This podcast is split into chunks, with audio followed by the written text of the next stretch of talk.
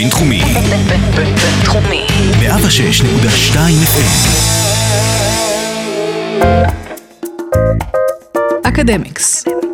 אקדמיה בגובה העיניים. עם קרן אסף. אנחנו uh, ממשיכים uh, יותר חמסין, יותר תקלות, פחות חשמל. לא מעט אזורים בארץ זכו היום במרכאות להפסקות חשמל, וזה עוד לפני uh, שיאי הביקוש והשרב, והחשש שבשבוע הבא זה יקרה שוב. שר האנרגיה והמים עוזי לנדאו, הנה הדברים. זה מצב שעלול לחזור על עצמו, הוא יכול לקרות כבר מחר מחרתיים. בסוף השבוע הקרוב, כאשר תתרגש עלינו סופה סוערת במיוחד, וזה בפירוש דבר שעלול להתרחש במהלך הקיץ הקרוב. והאחריות שלי לומר לציבור, מראש לומר לכם, יהיו הפסקות חשמל. You're live in the CNN newsroom. I'm Ana Cabrera in New York. The breaking news right now on CNN. Much of Manhattan is in the dark right now. On this Saturday night, it's been more than three hours of little lights, no electricity, no air conditioning. Across a very large swath of Manhattan, the busiest part of New York City. The famous electric billboards in Times Square, many of them are in the dark. בישראל ובעולם הערבי בכלל, אנחנו תלויים כמעט באופן מוחלט באספקה סדירה של אנרגיה. אנחנו גם כל כך רגילים לכך שיש לנו חשמל באופן זמין, או בנזין וסולר בתחנות הדלק, שכאשר זה לא קורה, מדובר באייטם חדשותי, ממש breaking news. אבל האמת שהאספקה הסדירה של אנרגיה היא לא דבר שאפשר לקחת כמובן מאליו, וככל שהדלות באנרגיה גדלה, הצורך בתוכנית שנוודא שנקבל אותה באופן רציף גובר. אז מה צריכה לכלול תוכנית כזאת? האזינו לחלק השני של השיחה שלי ושל פרופסור יעל פרג, סגנית דיקן בית הספר לקיימות כאן באוניברסיטת רייכמן, בנושא ביטחון אנרגיה. ביטחון אנרגיה. אולי נתחיל בשאלה מקדימה. מה ההבדל בין אנרגיה לבין חשמל? חשמל הוא פשוט אחת uh, מצורות האנרגיה שאנחנו משתמשים בה ביום-יום. אנחנו, אבל כשמסתכלים על כל האנרגיה שאנחנו משתמשים בה, אנחנו משתמשים גם באנרגיה לתחבורה, שזה דלקים, וזה לא חשמל כיום. כלומר, יש רכבים חשמליים, אבל עדיין 98 אחוז, אם לא יותר, מהתחבורה שלנו היום נעה דלקים uh, נוזליים, שהם uh, דלקים uh, מבוססי נפט בעיקרם. אנחנו מחממים בתים לא בהכרח על, באמצעות חשמל. בישראל הרבה מהחימום כן נעשה בחשמל, אבל במקומות רבים באירופה החימום נעשה בגז טבעי, או יש מקומות שמחממים בדלקים אחרים. ולכן כשאנחנו מדברים על אנרגיה, צריך להגיד איזה סקטור של אנרגיה, או איזה סוג אנרגיה. חשמל הוא גם לא העיקרי מהדרכים בהם אנחנו צורכים אנרגיה. וחשוב להבחין, כי הרבה פעמים מבלבלים בין אנרגיה וחשמל. כלומר, מה זה מתבלבלים? קוראים לחשמל אנרגיה ולאנרגיה חשמל, וזה לא מדויק, בעיקר כשאנחנו באים להתעסק בסוגיות, נניח, של ביטחון אנרגיה, ואז למה אנחנו מתכוונים? זאת, זאת אז השאלה. אז למה אנחנו מתכוונים כשאנחנו אומרים ביטחון אנרגיה? אוקיי, okay, אז ביטחון אנרגיה, ההגדרה שלי, זה, זה נושא שעובר, דנים בו הרבה, והמקור שלו הוא בעצם... ממדעי המדינה, מיחסים בינלאומיים, כי פעם באמת ביטחון אנרגיה קשור ליחסים בינלאומיים, זה לאט לאט הולך ומשתנה. ההגדרה שלי לביטחון אנרגיה זה אנרגיה זמינה, אמינה, שהמחיר שלה סביר ושהייצור והצריכה שלה לא פוגעים בסביבה, כלומר אנרגיה מקיימת. אז זה ארבע קטגוריות שאני רוצה שמערכת האנרגיה שלי תענה עליהן. הרבה פעמים הן באות אחת על חשבון השנייה, וזה באמת... מביא אותנו למה שנקרא טרילמת האנרגיה. טרילמת האנרגיה היא הצורך שלנו לאזן בין uh, שלוש, רג, שלוש הרגליים האלה. מצד אחד, שתהיה אנרגיה uh, זמינה, כלומר שיהיה ביטחון אנרגטי, אנחנו, תהיה לנו רציפות אספקה וגם באיכות טובה. הדבר השני, שלכולם תהיה גישה לאנרגיה הזאת, ולא רק שתהיה להם גישה פיזית, אלא גם שהמחיר שלה יהיה סביר, שהוא יהיה affordable, שאני לא אצטרך... Uh, לחשוב עשר פעמים האם אני מדליק חימום בחורף או לא אה, בגלל המחיר שלה. והצלע והקודקוד השלישי הוא בעצם, זה הנושא של הקיימות, אה, פליטות לאטמוספירה של CO2, אבל לא רק. אה, יש הרבה מזהמים אחרים שנפלטים לאוויר, יש מזהמים שנפלטים למים, יש צריכה של מים. כשאנחנו מדברים על אנרגיה סולארית, יש צריכה לא מבוטלת של שטח, אמ, והשטח, צריכה גדולה של שטח פוגע ב, ב, במערכות אקולוגיות, זה נכון גם, יכול להיות נכון גם לרוח. שוב, זה מאוד מאוד קונטקסטואלי באיזה מדינה אנחנו מדברים. ואז את, המדיניות אנרגיה צריכה ליישב בין כל הדברים האלה, לפעמים יכולים לבוא אחד על חשבון השני. אמ, אז בעצם ביטחון אנרגיה זה ליישב את הטרילמה הזאתי אמ, במערכת אנרגיה. זה, אבל, זאת אומרת, המילה ביטחון, גם אמרת, זה הגיע מזה שבעבר אה, באמת חשבו על זה בהיבט שצריך להגן על תשתיות. מה, מה האויב? מה, ממה אנחנו מגינים על עצמנו כשאנחנו אומרים ביטחון כן, אנרגיה? אז, אז עדיין אה, ביטחון אנרגיה הוא הרבה מאוד להגן על התשתיות שלנו מכל מיני מפגעים. אה, בישראל אנחנו מאוד ערים לפגיעה מכוונת שמגיעה מ, אה, ממדינות עוינות או מטרור. אבל זה חלק מההגנה הפיזית, כלומר, משאבים מאוד מאוד גדולים מושקעים בזה שהתשתיות האלה יהיו מוגנות פיזית, יהיו מוגנות גם מבחינת הסייבר, גם מבחינת היכולת לחדור אליהם שלא באמצעים פיזיים, אה, אבל גם מפגעי מזג אוויר, מפגעי טבע אחרים. אה, אנחנו יודעים ששלג כבד, או אפילו לא במיוחד כבד, אבל שלג כבד במונחים ישראלים יכול אה, לפגוע באספקה. רוחות עזות, שריפות שקורות הרבה יותר בקיץ, אה, או לא יותר, לא חשוב, הן קורות בקיץ, הן מאיימות על התשתיות. אנחנו צריכים בעצם להגן על התשתיות מפני כל מיני סוגים של מפגעים, מכוונים או לא מכוונים. אז אה, כן, חלק מזה זה ביטחון. אנחנו פשוט מדינה שהנושא של הביטחון שווה צבא והגנה אה, מפני אויב, היא מאוד, זה מה שאנשים חושבים כשאומרים ביטחון אנרגיה. אבל כשחושבים על זה עוד טיפה, אומרים, אוקיי, צריך להגן על זה גם לא מפני אויב אה, שבא לפגוע בי באופן מכוון, אלא גם מפני uh, דברים שקורים. אולי גם אנחנו אוהב בזה שאנחנו מקלים את כל המשאבים שלנו, ולא יהיה ממה לייצר אם נמשיך ככה. אז אנחנו עכשיו עוברים באמת לסוגיה אחרת, ממה אנחנו מייצרים אנרגיה.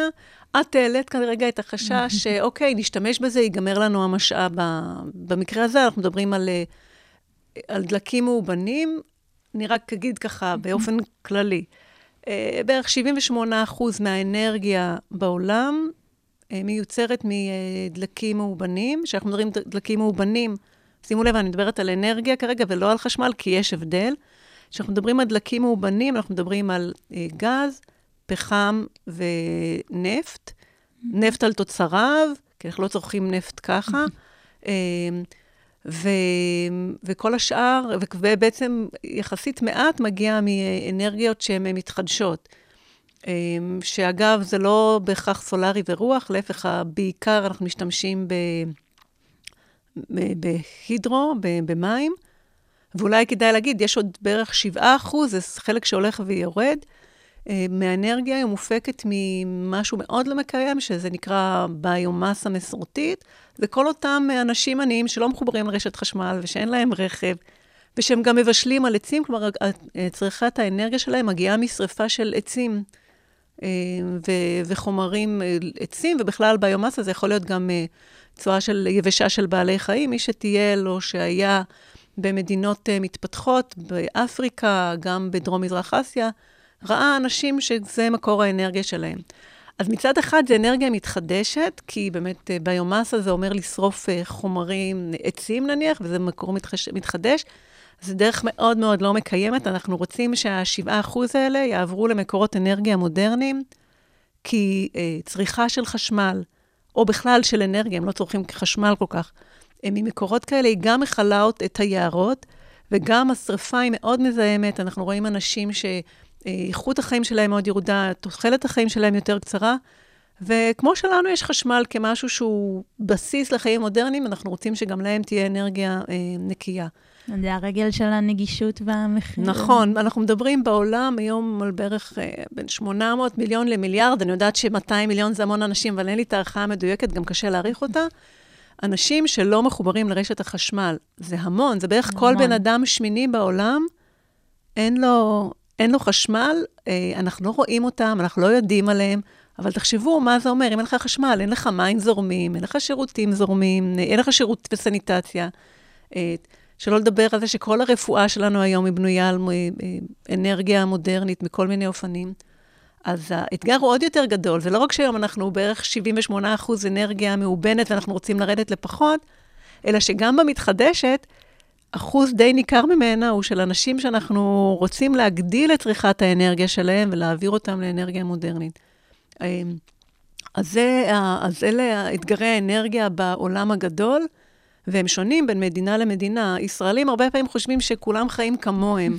לא, אנחנו במדינות המאוד מפותחות, אמ, הרמה של שירותי אנרגיה פה, גם אם נקטר עליה, היא מאוד גבוהה, והאיכות שלהם טובה, אפשר להשתפר, צריך uh, לעבור למקורות יותר נקיים, אבל אנחנו ממש לא מייצגים את העולם. אה, שאנשים בדרך כלל חושבים על... Uh, משווים למקומות מסוימים בארצות הברית, לערים הגדולות באירופה, לא משווים למזרח אסיה ואפריקה. אפילו לא למזרח אסיה ואפריקה. נסתכל על השכנים סביבנו, כולם במשבר אנרגיה. אף מדינה מהשכנות שלנו לא נהנים כל האזרחים שלה מ-24/7 חשמל. בלבנון יש משבר אנרגיה איום ונורא, בנוסף לכל שאר המשברים שיש שם, וגם בסוריה. וגם בירדן, אין מספיק חשמל כל הזמן לכולם, וגם במצרים. כלומר, אנחנו בקטע הזה לא צריך להרחיק uh, לכת. וכשאנחנו מסתכלים על, דיברתי על ה-800 מיליון, הם אלה שאין להם בכלל חיבור לרשת. אני לא מדברת על אלה שיש להם חיבור לרשת, אבל אין להם חשמל כל הזמן, כי זה שיש לך את התשתית, זה לא אומר שזורם בתשתית הזאת כל הזמן חשמל. או שיש לך אה, שאם יש תחנת דלק, זה לא אומר שיש בה דלק, או אם יש בה דלק, לא בטוח שאתה יכול להרשות לעצמך אה, לרכוש אותו. אז אלה כל מיני שלבים אחרים, מעבר ללא שאין לך גישה, אלא איך אנחנו דואגים שלכולם יהיה מה שאנחנו נהנים בצורה בסיסית ממנו. עכשיו, האתגר היותר גדול היא לתת לנו ולהם את הגישה הזאת. זה לא שאני נותנת למישהו, כן, אבל שלכולם תהיה גישה, ושהאנרגיה תהיה אנרגיה שהיא לא פוגעת בסביבה. הייצור שלה או הצריכה שלה לא פוגעים בסביבה, לא רק בנושא של שינוי אקלים ופליטות אה, אה, מזהמות לאוויר, אלא בכלל של זיהום סביבה.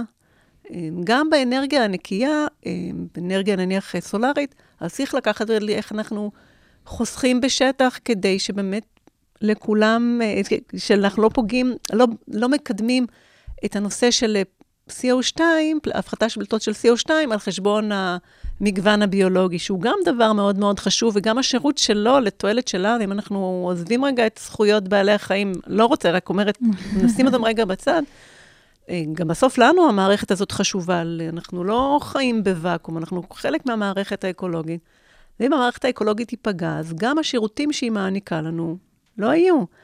אז אה, צריך לחשוב גם על הדברים, גם על ההשלכות הסביבתיות של נניח הרבה אנרגיה סולארית צריכה לבוא עם הרבה אחסון, איך אנחנו מאחסנים, באיזה טכנולוגיה אנחנו מאחסנים, האם בטריות זה דבר טוב לסביבה? ספוילר, היא ממש לא טובה לסביבה. ונניח אנחנו משתמשים בבטריות, ופתאום יש כמות עצומה של אה, בטריות, איך אנחנו מטפלים בסוף החיים שלהם? כי בסוף צריך גם להיפטר מהחומרים האלה. גם מהפאנלים הסולאריים צריך להיפטר, כמו, כמו שמפרקים תחנת כוח, צריך להיפטר מהחומרים שיש שם בצורה שהיא לא מזהמת. אז בעצם זו סוגיה מאוד מאוד רחבה, שהיא לא רק הקטע שהנה, עכשיו יש לי חשמל והוא יוצר על ידי uh, משהו נקי, אלא כל שרשרת הערך של הסיפור הזה. ומה עושים? איך מאזנים, או איך בונים תוכנית, יותר נכון להגיד, איך בונים תוכנית לאזן בין אלו? אז בגלל שאנחנו, הדבר הראשון שאנחנו רוצים זה שתהיה לנו אנרגיה זמינה כל הזמן, אה, אגב, זה עניין של ערך, ערכים, יש כאלה שיגידו, לא, נוותר על הזמינות, נסתדר עם הפסקת חשמל של שעה או עם איכות חשמל פחות uh, טובה, כי הסביבה יותר חשובה. כלומר, יש פה בסוף עניין של סדר עדיפויות, ומי עומד, ב, כאילו, מה מוליך את קבלת ההחלטות. אבל נניח אנחנו נצא מנקודת הנחה שאנחנו לא מוכנים להתפשר על uh, זמינות של אנרגיה. אגב, גם פה אני רוצה להגיד, uh, כשאנחנו חושבים על מודלים עתידיים לרשת, למשק החשמל, אז יכול להיות שכן, נעשה תעדוף. יש מישהו שצריך 24-7 כל הזמן, ואין, צריך להבטיח שלא תהיה לו שנייה של הפסקת חשמל. זה קיים גם היום, לכל אדם שיש, נגיד, אה, מכונות הנשמה, יש גם גנרטור, הם לא... אה, נכון, אז צריך לעשות תעדוף פה, ולהגיד, יש צרכנים ששעה ביום הפסקת חשמל, אה, לא... אפשר להיערך לה. כלומר, זה לא, שוב, לא לגמרי טריוויאלי.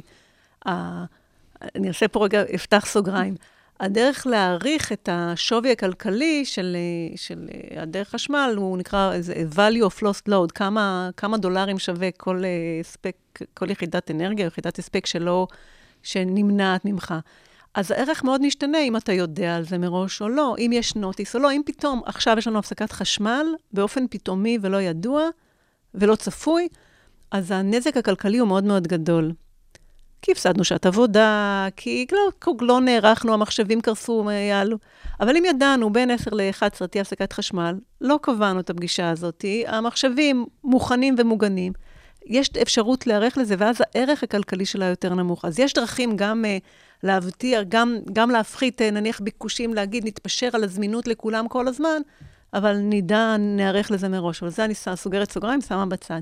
נניח אנחנו אומרים 24-7, אמינות, זמינות אה, גבוהות, אה, תמיד יהיה. עכשיו אנחנו מדברים על רשת החשמל, אני שמה בצד רגע את התחבורה, כי גם על זה צריך לדבר. אה, אז עכשיו אנחנו אומרים, בשביל זה אנחנו צופים מה יהיו הביקושים בישראל, אנחנו עושים תוכניות, התוכניות האלה הן צריכות להיות תוכניות של שנים קדימה, כי הן כרוכות בהרבה תשתיות, מאוד קשה להקים תשתיות בכלל. בישראל זה עוד יותר קשה, אנחנו מדינה צפופה, אין פה מקום. הסטטוטוריקה מאוד מעכבת, יש הרבה רגולציה, אז כשמדברים על משהו, מדברים 10, 20, 30 שנה קדימה, זה לא משהו לא סביר. כשבנט דיבר על הפחמן, הוא דיבר על 2050. לא, נכון, כי זה... כן, זה... דיברו על זה מכמה טעמים, א', 2050, אלוהים גדול, זה כבר לא בקדנציה שלי, אפשר להתחייב לאפס פליטות, אבל זה בסדר, בין השאר הזה בגלל שצריך לעשות תוכנית, אתה לא מגיע מ... נניח אנחנו מחליטים שאנחנו נהיה 0% פליטות עוד עשר שנים, איך? מה? מה? מה צריך להיות פה בשביל לעשות את זה? אז זה הגיוני לקחת שנים קדימה.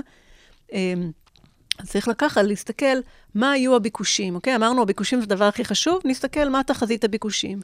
ישראל מדינה שקצב הריבוי שלה הוא מאוד מאוד גבוה, שונה מכל מדינה מפותחת אחרת. אנחנו יודעים שיהיו פה יותר אנשים, אנחנו צופים שה... אה, ההכנסה תגדל, כלומר ה-GDP יגדל, זה לא הכנסה בהכרח. אמ, ואנחנו יודעים שצריכת אנרגיה היא במתאם מאוד מאוד טוב ל-GDP, GDP פר קפיטה, כלומר, התרג לנפש. אומרים, יהיו פה עוד אה, שלושה מיליון אנשים, הביקושים יעלה, יהיו פה יותר צרכני חשמל, הביקוש הכללי לחשמל יעלה.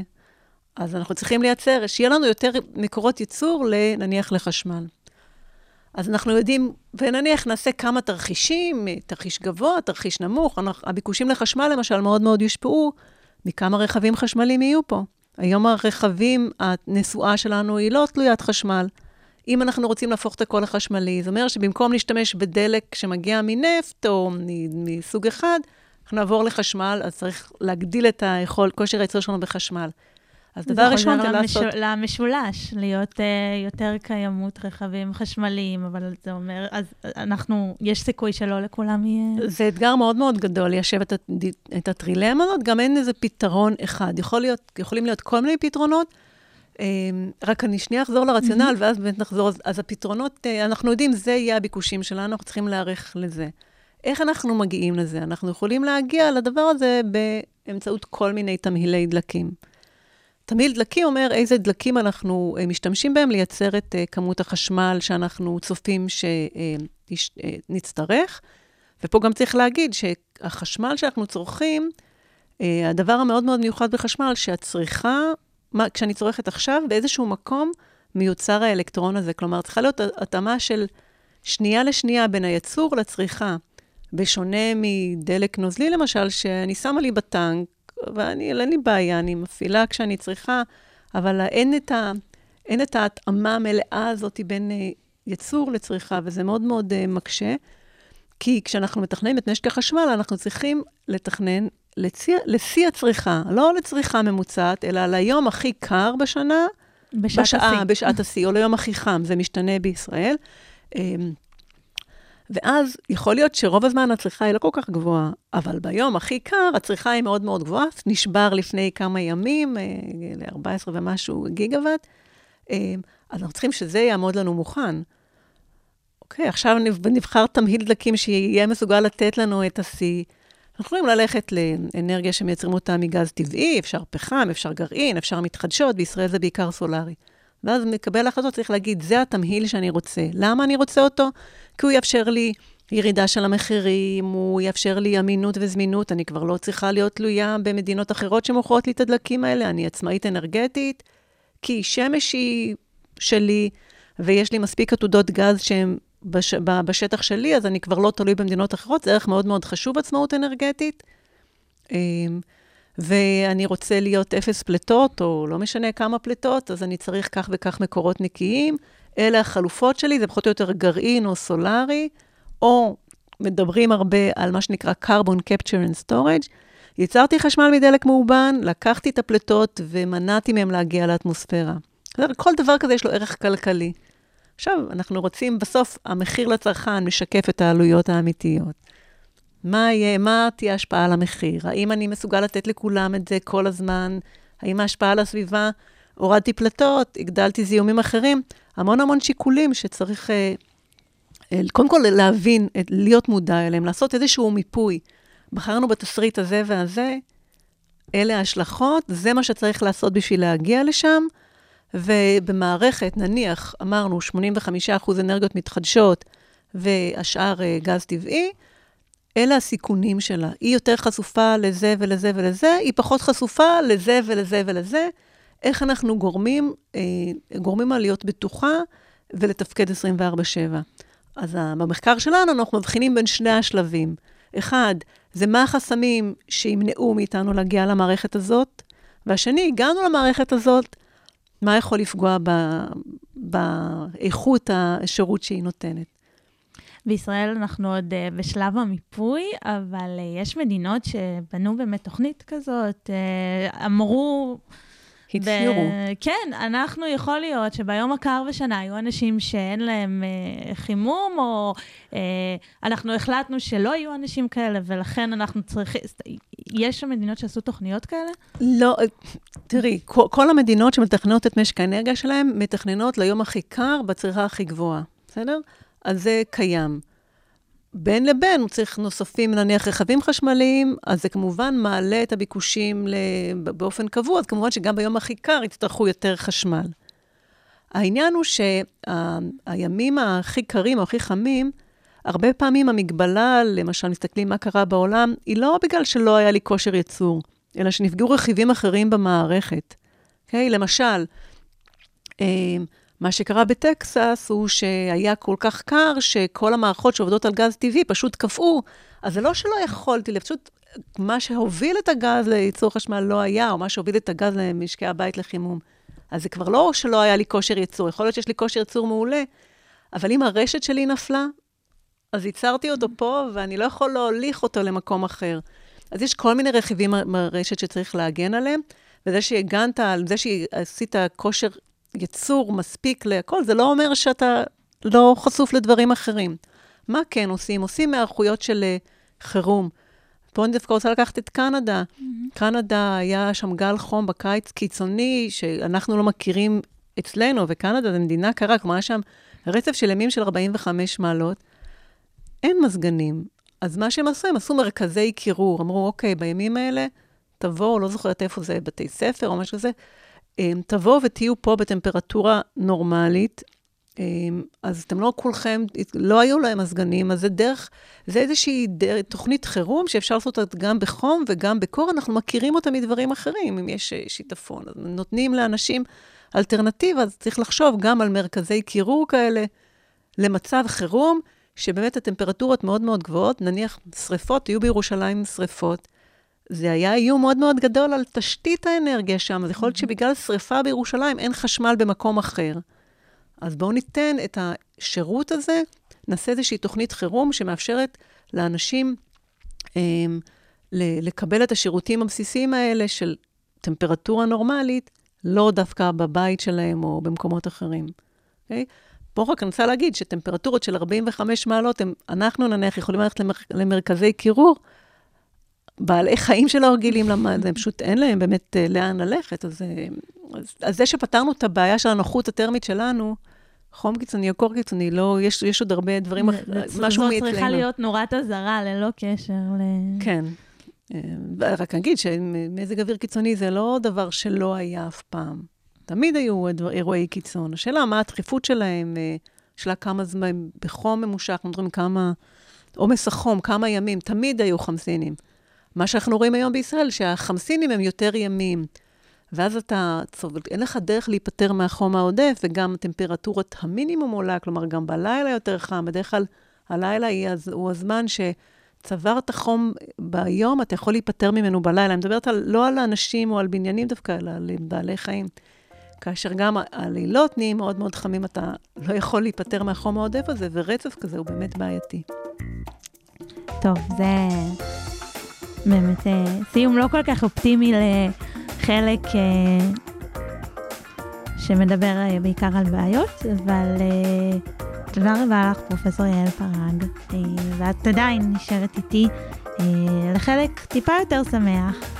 פחות בעיות, יותר כיוונים שמהם אפשר לפתור את הבעיות האלה. מעברון ונחזור.